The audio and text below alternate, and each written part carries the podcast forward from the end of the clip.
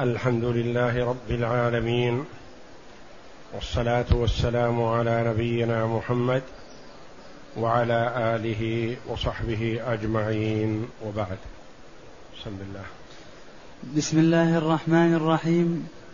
قال المؤلف رحمه الله تعالى ويستحب أن يجافي عضديه عن جنبيه وبطنه عن فخذيه. وبطنه وبطنه عن فخذيه وفخذيه عن ساقيه لما روى أبو حميد أن النبي صلى الله عليه وسلم جافى عضديه عن إبطيه ووصف البراء سجود النبي صلى الله عليه وسلم فوضع يديه بالأرض ورفع عجيزته رواه أبو داود. الكلام على أركان الصلاة وتقدم أنها خمسة عشر ركنا. وتقدم الكلام على الفصل الأخير ثم يخر ساجدا ويطمئن في سجوده. وهذان هما الركنان الثامن والتاسع. السجود الثامن والإطمئنان فيه التاسع. في حال السجود يقول رحمه الله ويستحب أن يجافي عضديه عن جنبيه. العضدان يجافيهما عن الجنب فلا يرص عضديه إلى جنبيه وإنما يجافيهما يعني يبعدهما عنه يسيرا. وبطنه يجافي بطنه عن فخذيه. يعني ما يرص فخذيه على بطنه يجتمع وإنما يجافي بعضها عن بعض يبعد بعضها عن بعض. وفخذيه عن ساقيه. فلا يضغط على الساقين بأن يضغط عليهما ليوصلهما إلى الفخذين وإنما يجافي ويبعد كل واحد عن الآخر. لما روى أبو حميد الذي نقل لنا صفة صلاة رسول الله صلى الله عليه وسلم قال جافى عضديه عن إبطيه ووصف البراء سجود النبي صلى الله عليه وسلم فوضع يديه على الأرض يديه بالأرض ورفع عجيزته. يعني رفع إليتيه لأجل أن يتجافى الفخذان عن البطن ويتجافى الساقان عن الفخذين. ويستحب ويستحب أن يضم أصابع يديه بعضها إلى بعض ويضعهما على الأرض حذو منكبيه ويرفع مرفقيه ويكون على ويكون على أطراف أصابع قدميه ويثنيها نحو القبلة لما روى أبو حميد أن النبي صلى الله عليه وسلم وضع كفيه حذو منكبيه وفي لفظ سجد غير مفترش ولا قابضهما واستقبل بأطراف رجليه القبلة. وفي رواية فسجد فانتصب على كفيه وركبتيه وصدور قدميه وهو ساجد. وقال النبي صلى الله عليه وسلم إذا سجد أحدكم فليعتدل ولا يفترش ذراعيه افتراش الكلب. حديث صحيح متفق على معناه. ويستحب أن يضم أصابع يديه بعضها إلى بعض. أصابع اليدين لا يفرجهما هكذا. يجعل كل أصبع بعيدة عن الأصبع الثانية يضم بعضها إلى بعض. وليس معناه قبض يقبضها لا. وإنما يضم بعضها يعني يقارب بعضها من بعض ويجعلها متجهة نحو القبلة. ويضعهما على الأرض حذو منكبيه يعني مقابل منكبيه. فلا يمدهما أمام رأسه ولا يؤخرهما يجعلهما حذو صدره وإنما يجعلهما في الوسط حذو منكبيه. يعني بسمت المنكبين ويرفع مرفقيه. إذا وضع يديه على الأرض لا يبسط الذراع على الأرض وإنما يرفعه ليرتفع المرفق. ويكون على أطراف أصابع قدميه. أطراف الأصابع ويثنيهما نحو القبلة. يعني يكون الأرض يجعل بطون أصابع رجليه على الأرض. ويكون طرف الأصابع متجه إلى القبلة. يعني لا يدليهما هكذا يجعل الأصبع متكي على الأرض الظفر على الأرض مثلا لا. وإنما يكون على الأرض بطن الأصبع. وتكون أطراف الأصابع بأظفارها متجهة إلى القبلة. يحصرها يثنيها. يعني بدل ما تكون الرجل هكذا متدلية يكون يبسط بطون الأصابع على الأرض وأطراف الأصابع متجهة إلى القبلة. هكذا سجد النبي صلى الله عليه وسلم. لما روى أبو حميد أن النبي صلى الله عليه وسلم وضع كفيه حذو منكبيه يعني في حال السجود. وفي لفظ سجد غير مفترش يعني ما افترش ذراعيه وإنما وضع الكفين ورفع الذراعين. ولا قابضهما واستقبل بأطراف رجليه القبلة. استقبل بأطراف رجليه يعني بالاصابع استقبل بها القبلة. يعني ما جعل الأصابع متدلية على الأرض وإنما جعلها متجهة إلى القبلة وجعل بطن أصابع رجليه هو الذي على الأرض. واستقبل بأطراف رجليه القبلة وفي رواية فسجد فانتصب على كفيه وركبتيه وصدور قدميه يعني ما هو على قدميه على صدور قدميه. صدر القدمين هو ما كان باطن أصابعه وهو ساجد. وقال النبي صلى الله عليه وسلم إذا سجد أحدكم فليعتدل يعني يرفع نفسه ولا يفترش ذراعيه افتراش الكلب لأن الكلب إذا وقع في الأرض بسط ذراعيه. فالنبي قال توضع الكفين على الأرض والذراعان مرفوعتان. حديث صحيح متفق على معناه. قوله متفق على معناه يعني أنه أن لفظه ليس هكذا في الصحيحين لكن معناه كذا. نعم. ويقول سبحان ربي الأعلى وحكمه حكم تسبيح الركوع في عدده ووجوبه لما مضى. ويقول حال سجوده سبحان ربي الأعلى. يقول وحكمه حكم التسبيح هذا وعدد التسبيح كتسبيح الركوع في عدده يعني أدنى الكمال ثلاث والمجزي واحدة. ووجوبه قولان روايتان كما تقدم قيل إنه واجب لأن النبي صلى الله عليه وسلم قال اجعلوها في سجودكم.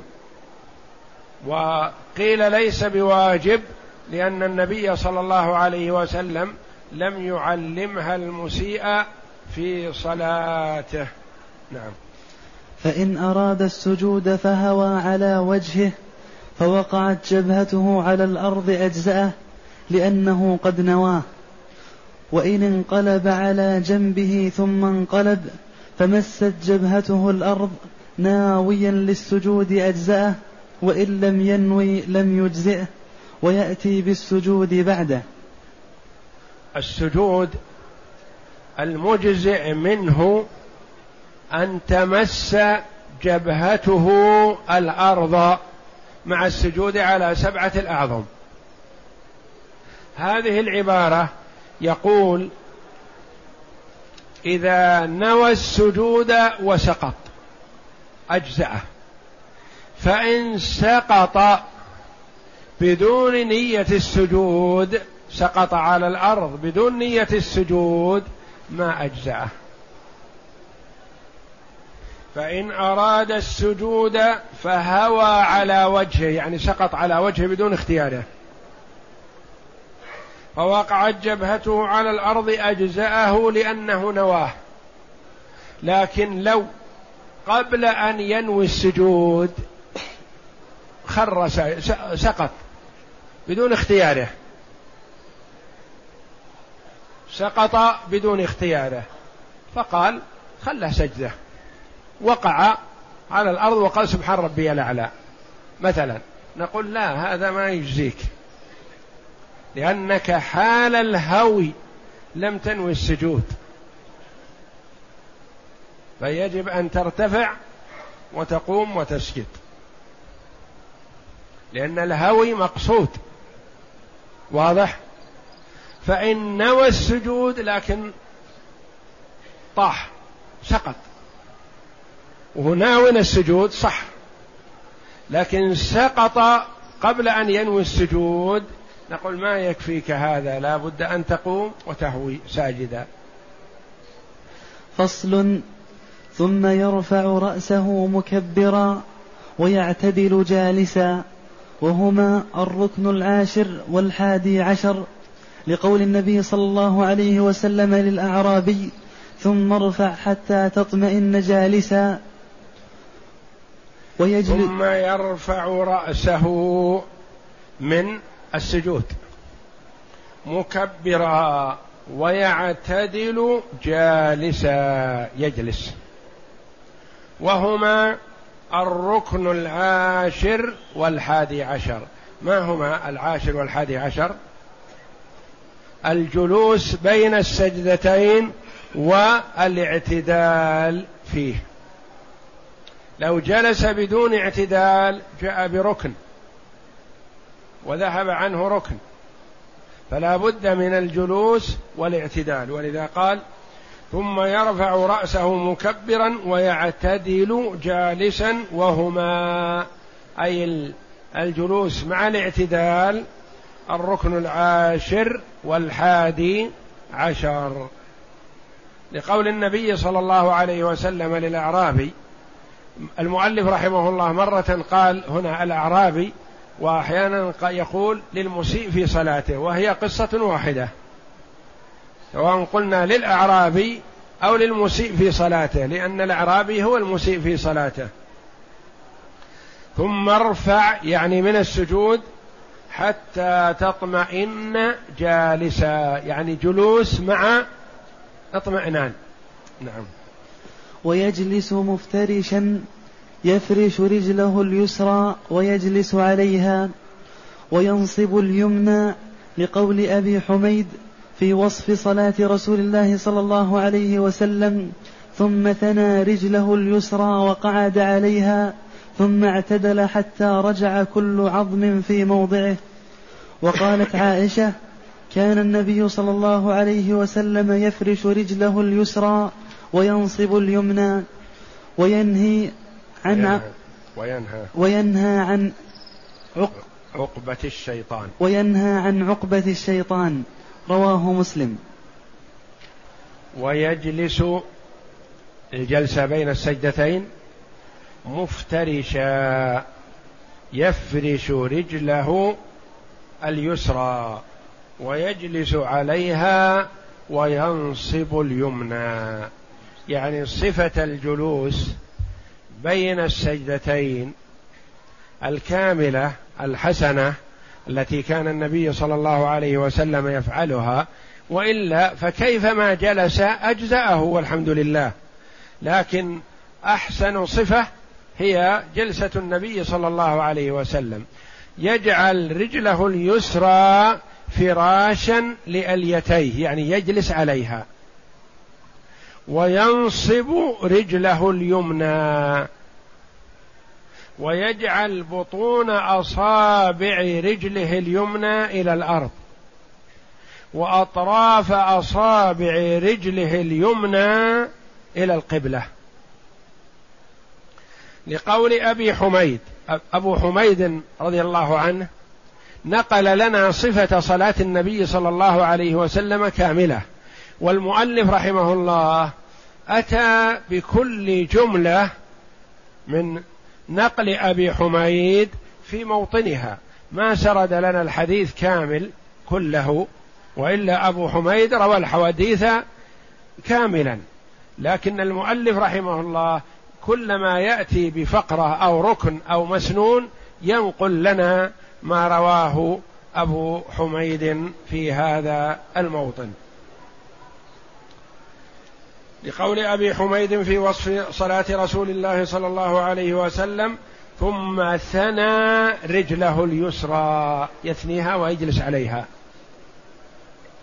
وقعد عليها ثم اعتدل حتى رجع كل عظم في موضعه. يعني ركد استقر على هذه الجلسة. وقالت عائشة رضي الله عنها كان النبي صلى الله عليه وسلم يفرش رجله اليسرى كقول أبي حميد سواء بسواء. وينصب اليمنى وينهى عن عقبة الشيطان.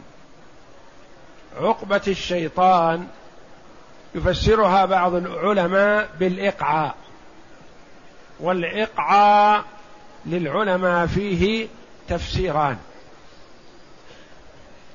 أحدهما أنه يجعل بطون أصابع رجليه إلى الأرض وينصب قدميه ويجلس عليهما. يجعل بطون أصابع الرجلين على الأرض وينصب الرجلين القدمين ويجلس عليهما. هذا تفسير من تفسيرات عقبة الشيطان والإقعاء. وبعض العلماء يقول الإقعاء المنهي عنه غير هذه الجلسة. هذه الجلسة وردت في بعض الأحاديث والتي كان الإمام أحمد رحمه الله يقول أنا لا أجلسها ولا أنهى من جلسها.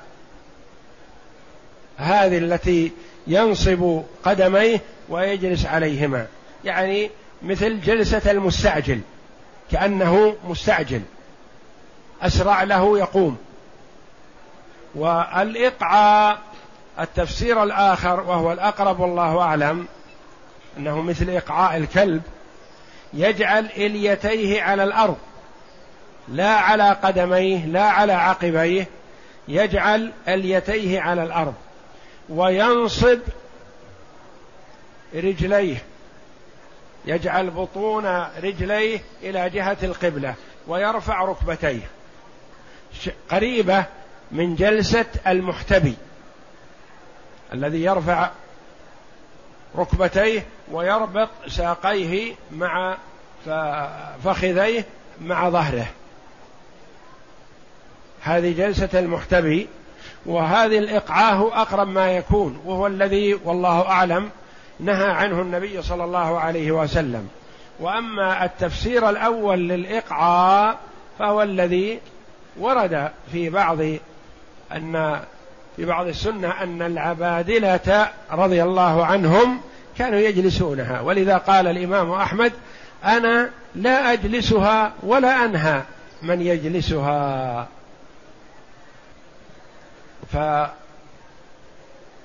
فالإقعاء أو عقبة الشيطان يكون اليتيه على الأرض وينصب ساقيه وفخذيه يوقفهما. وتكون ركبة أعلى وتكون بطون قدميه إلى جهة القبلة. يعني كأنه جلس على أليتيه وعلى عقبيه. ويسن أن يثني أصابع اليمنى نحو القبلة لما روى النسائي عن ابن عمر أنه قال من سنة الصلاة أن ينصب القدم اليمنى واستقباله بأصابعها, بأصابعها القبلة. ويسن أن يثني أصابع اليمنى نحو القبلة مثل ما تقدم لنا في الجلسة حال السجود. حال السجود قلنا يجعل بطون أصابع رجليه إلى الأرض وأطرافها نحو القبلة. كذلك إذا نصب رجله اليمنى رجله اليسرى مفترشة تحته. ورجله اليمنى منصوبة. بطون أصابعها إلى الأرض وأطراف أصابعه إلى القبلة والعقب فوق. منصوب. لا مطروح وإنما مرتفع. هذا هو النصب. وهذا هو الأفضل. وهو الذي قال عنه ابن عمر رضي الله عنه. السنة أن ينصب القدم اليمنى واستقباله بأصابعها القبلة. نعم. ويكره الإقعاء وهو أن يفرش قدميه ويجلس على عقبيه. بهذا فسره أحمد لحديث أبي حميد وعائشة. وعن أحمد أنه قال لا أفعله ولا أعيب من فعله. العبادلة كانوا يفعلونه. وقال ابن عباس هو سنة هو سنة نبيك صلى الله عليه وسلم رواه مسلم. يعني هذا التفسير للإقعاء هذا يظهر والله أعلم عدم كراهيته.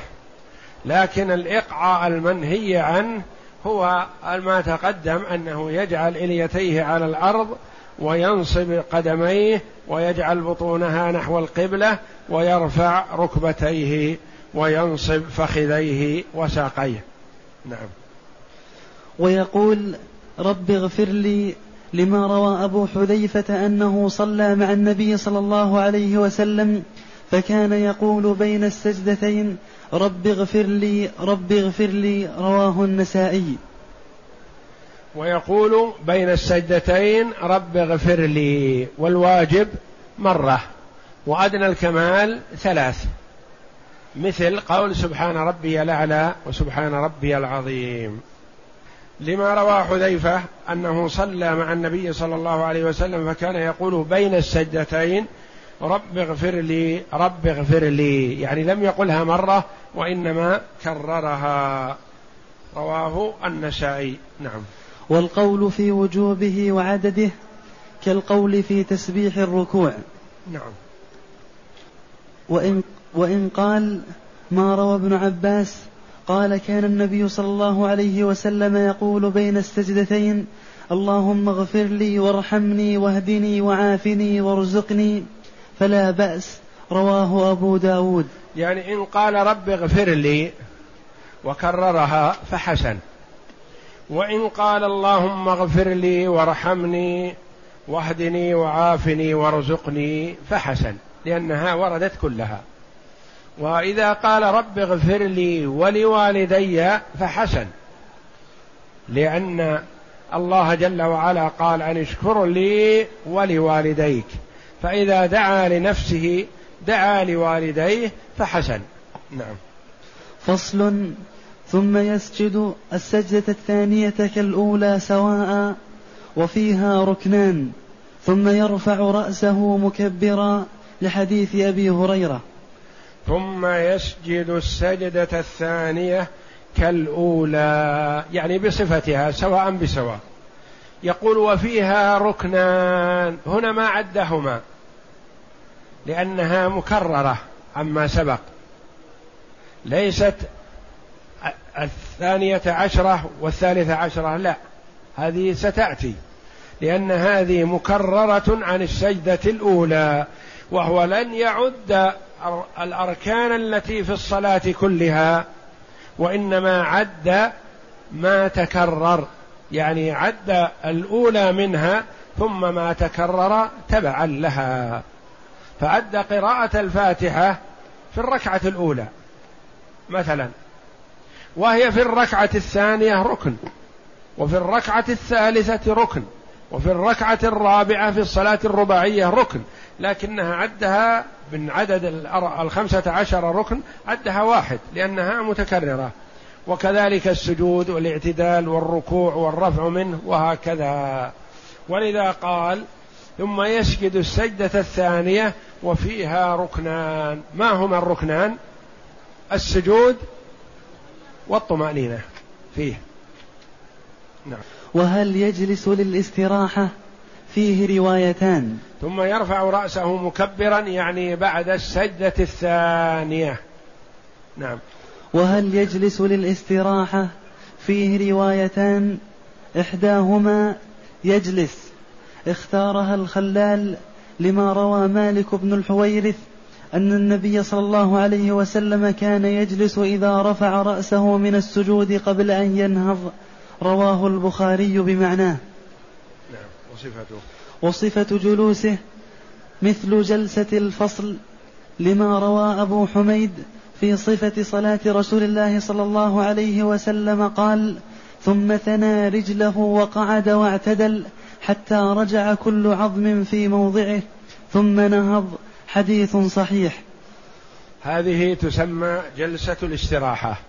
وجلسة الاستراحة تكون بعد الركعة الأولى وقبل القيام للركعة الثانية. وبعد الركعة الثالثة وقبل القيام للركعة الرابعة. هذا موطنها. وهل هي تستحب أو لا تستحب؟ روايتان. الرواية الأولى تستحب لما روى مالك بن الحويرث أن النبي صلى الله عليه وسلم كان يجلس إذا رفع رأسه من السجود قبل أن ينهض. يجلس جلسة خفيفة وجلوسه فيها كالجلوس بين السجدتين وكالجلوس للتشهد الأول في هيئته إلا أنها خفيفة. والرواية الثانية أنه لا يجلس ويرى بعض العلماء أنها حسب الحاجة إن كان الرجل كبير أو مريض أو في حاجة إلى هذه الجلسة ليستريح فيجلس وإن لم يكن في حاجة إليها فلعل الأولى أن ينهض ويقوم. ثم إن جلس جلسة خفيفة فعند القيام للركعة الثانية أو الرابعة لا يكبر لأن التكبيرة مضت عند النهوض من السجود. نعم. وقال الخلال روى عن أحمد ما لا أحصيه كثرة. روى عن أحمد من لا أحصيه. روى عن أحمد من لا أحصيه كثرة أنه يجلس على إليتيه. وقال الأمدي يجلس على قدميه. ولا يلصق إليتيه بالأرض. يجلس على قدميه يعني يجعل قدميه على الأرض. ولا يجعل إليتيه على الأرض. يعني جلسة خفيفة كالاستعداد للقيام. نعم. والرواية الثانية لا يجلس بل ينهض على صدور قدميه معتمدا على ركبتيه. لما روى أبو هريرة أن النبي صلى الله عليه وسلم كان ينهض على صدور قدميه رواه الترمذي وفي حديث وائل بن حجر وإذا نهض رفع يديه قبل ركبتيه وفي لفظ وإذا نهض نهض على ركبتيه واعتمد على فخذيه رواه أبو داود نعم. و ولا يعتمد, ولا يعتمد بيديه على الأرض لما ذكرنا إلا إلا إن إلا أن يشق إلا أن يشق ذلك عليه لضعف أو كبر. الرواية الثانية أنه يقوم مباشرة من السجود ينهض مباشرة. ثم كيفية النهوض؟ ينهض على صدور قدميه ويعتمد على ركبتيه. ولا يجعل يديه على الأرض للنهوض إلا إن احتاج إلى ذلك فلا فلا مانع من ذلك. كأن يكون كبير السن أو ثقيل الجسم أو مريض فيعتمد بيديه على الأرض فلا بأس. وإن استغنى عن ذلك فاعتماده على ركبتيه أولى وعلى صدور قدميه. نعم. ولا يكبر لقيامه من جلسة الاستراحة لأنه قد كبر لرفعه من السجود. عند من يقول إنه يجلس جلسة خفيفة للاستراحة لا يحتاج إلى تكبير عند القيام منها لأنه قد كبر عند القيام من السجود. لا يزيد في الصلاة. نعم. فصل ثم يصلي الركعة الثانية كالأولى لقول النبي صلى الله عليه وسلم للأعرابي ثم اصنع ذلك في صلاتك كلها إلا, إلا في النية والاستفتاح لأنه يراد لافتتاح الصلاة وفي الاستعاذ وفي الاستعاذة روايتان. إحداهما يستعيذ لقول الله تعالى فإذا قرأت القرآن فاستعذ بالله من الشيطان الرجيم. فيقتضي أن يستعيذ عند كل قراءة. والثانية لا يستعيذ لما روى أبو هريرة قال كان رسول, كان رسول الله صلى الله عليه وسلم إذا نهض من الركعة الثانية استفتح القراءة بالحمد لله رب العالمين ولم يسكت رواه مسلم. نعم ولأن ولأن الصلاة جملة واحدة فإذا أتى بالاستعاذة في أولها كفى كالاستفتاح فإن نسيها في أول الصلاة أتى بها في الثانية والاستفتاح بخلاف ذلك نص عليه. ثم يصلي الركعة الثانية كالأولى. يعني إذا كمل الركعة الأولى وقام. ما صفة الركعة الثانية؟ قال كما تقدم سواء بسواء إلا. في ماذا؟ النية. الركعة الأولى بعد تكبيرة الإحرام مصحوبة بنية الدخول في الصلاة. هنا النية سابقة موجودة. والاستفتاح. إذا قام للركعة الثانية لا يستفتح مرة ثانية لأن الاستفتاح في أول الصلاة فقط. استفتاح عبارة مدخل للصلاة في أولها. ثم إذا استفتح في أولها فلا يستفتح بعد ذلك. لأنه يراد لافتتاح الصلاة. وفي الاستعاذة روايتان. بالاستعاذة. إذا قام قائما. هل يقول في الركعة الثانية أعوذ بالله من الشيطان الرجيم بسم الله الرحمن الرحيم الحمد لله رب العالمين أم يقول بسم الله الرحمن الرحيم الحمد لله رب العالمين فقط؟ روايتان. من قال يستعيذ لأن الله جل وعلا قال فإذا قرأت القرآن فاستعذ بالله من الشيطان الرجيم وأنت قمت لتقرأ. فقبل أن تقرأ استعذ بالله من الشيطان الرجيم. هذه رواية. الرواية الثانية يقول لا. إذا قمت فاقرأ لأن الصلاة جزء واحد. أنت استعذت في الأول في الركعة الأولى فلا يحتاج أن تستعيذ في الركعة الثانية. إلا إن عرفت أنك نسيت الاستعاذة في الركعة الأولى فأتي بها الآن لأن هذا موطنها. بخلاف الاستفتاح فلو نسيته في الركعة الأولى لا تأتي به في الركعة الثانية. فرق بين الاستعاذة والاستفتاح. أولا الاستفتاح لا يكون إلا في الركعة الأولى. حتى ولو نسيته في الركعة الأولى لا تأتي به في الركعة الثانية.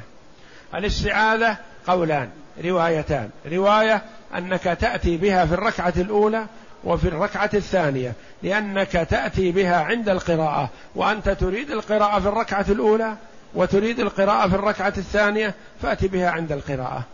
الرواية الثانية تقول لا الصلاة جزء واحد.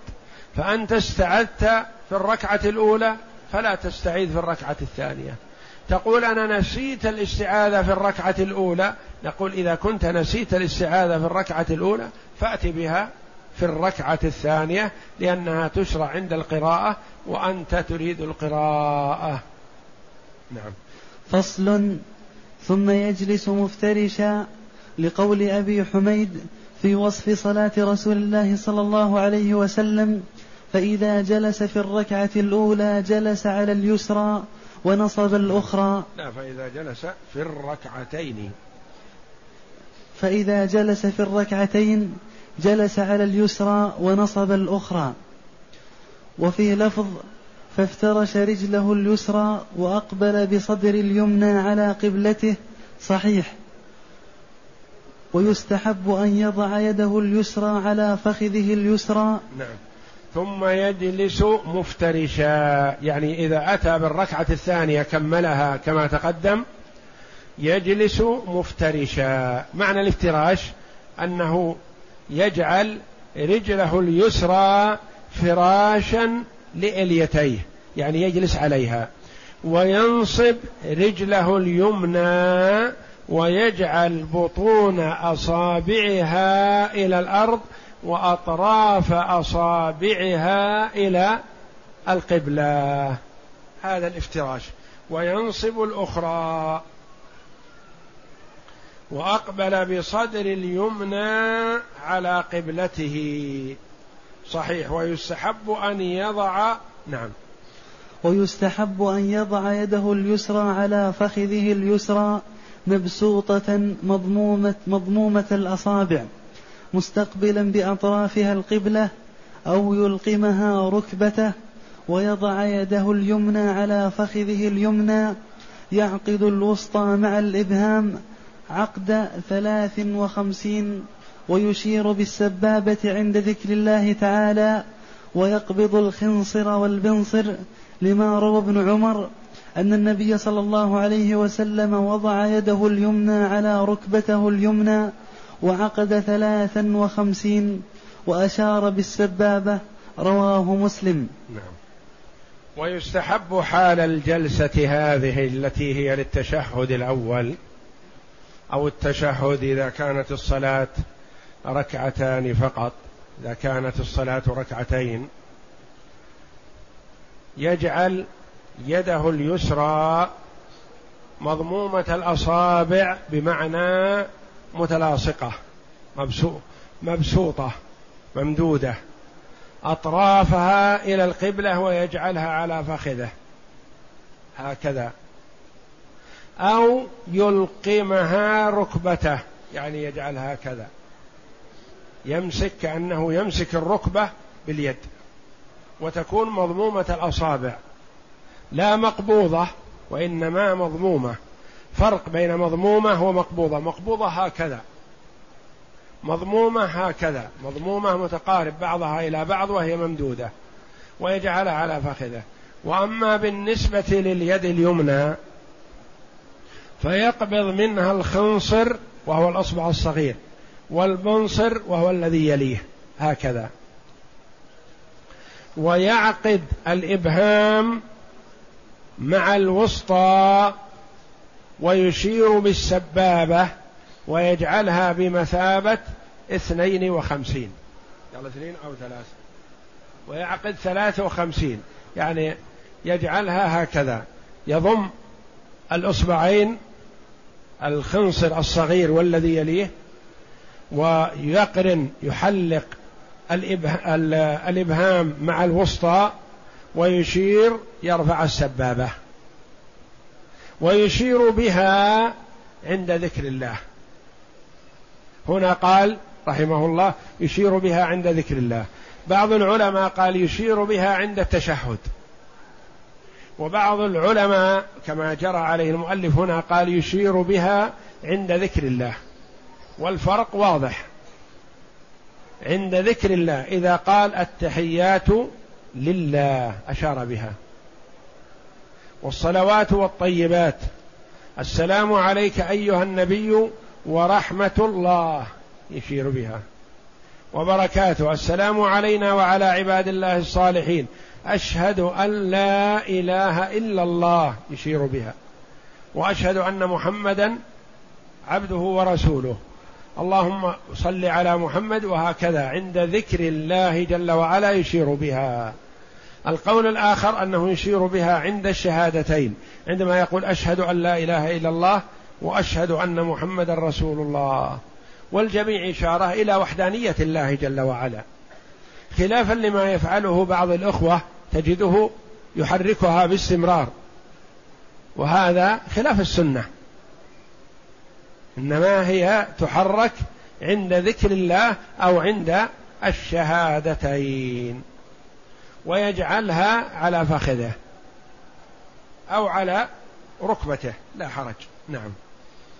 وعن ووضع يده اليمنى رواية ابن عمر ووضع يده اليمنى على ركبته اليمنى وعقد ثلاثا وخمسين وأشار بالسبابة. رواه مسلم. نعم. وعن يبسط الخنصر والبنصر لما روى ابن الزبير قال كان رسول الله صلى الله عليه وسلم إذا قعد يدعو وضع يده اليمنى على فخذه اليمنى ويده اليسرى على فخذه اليسرى وأشار بإصبعه السبابة يدعو ووضع إبهامه على أصبعه الوسطى يدعو وألقم كفه اليسرى ركبته. رواه مسلم.